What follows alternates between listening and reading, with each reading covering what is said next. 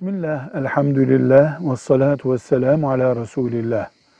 Bir işin yapılmasını Allah, peygamberi bize kesinlikle yasakladıysa buna haram denir. Haram Müslümanın asla yapmayacağı şey demektir. Dini konuları işleyen kitaplarımızda mekruh diye bir kavram daha bulunur. Mekruh, Müslümana yakışmayan, hoş görülmeyen, çirkin kabul edilen şey demektir. Ama haram düzeyinde değildir.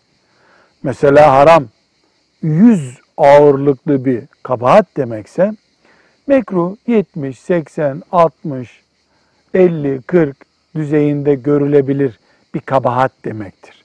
Ayıp kelimesinden tutarız.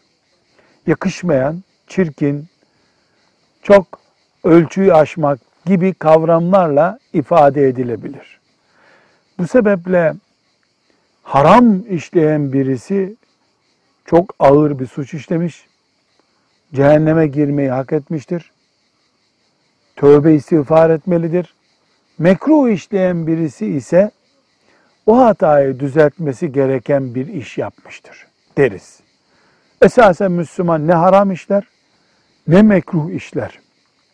Ama haram çizgiyi aşmaktır. Mekruh çizgiye yakın yerlerde dolaşmak demektir. Velhamdülillahi Rabbil Alemin.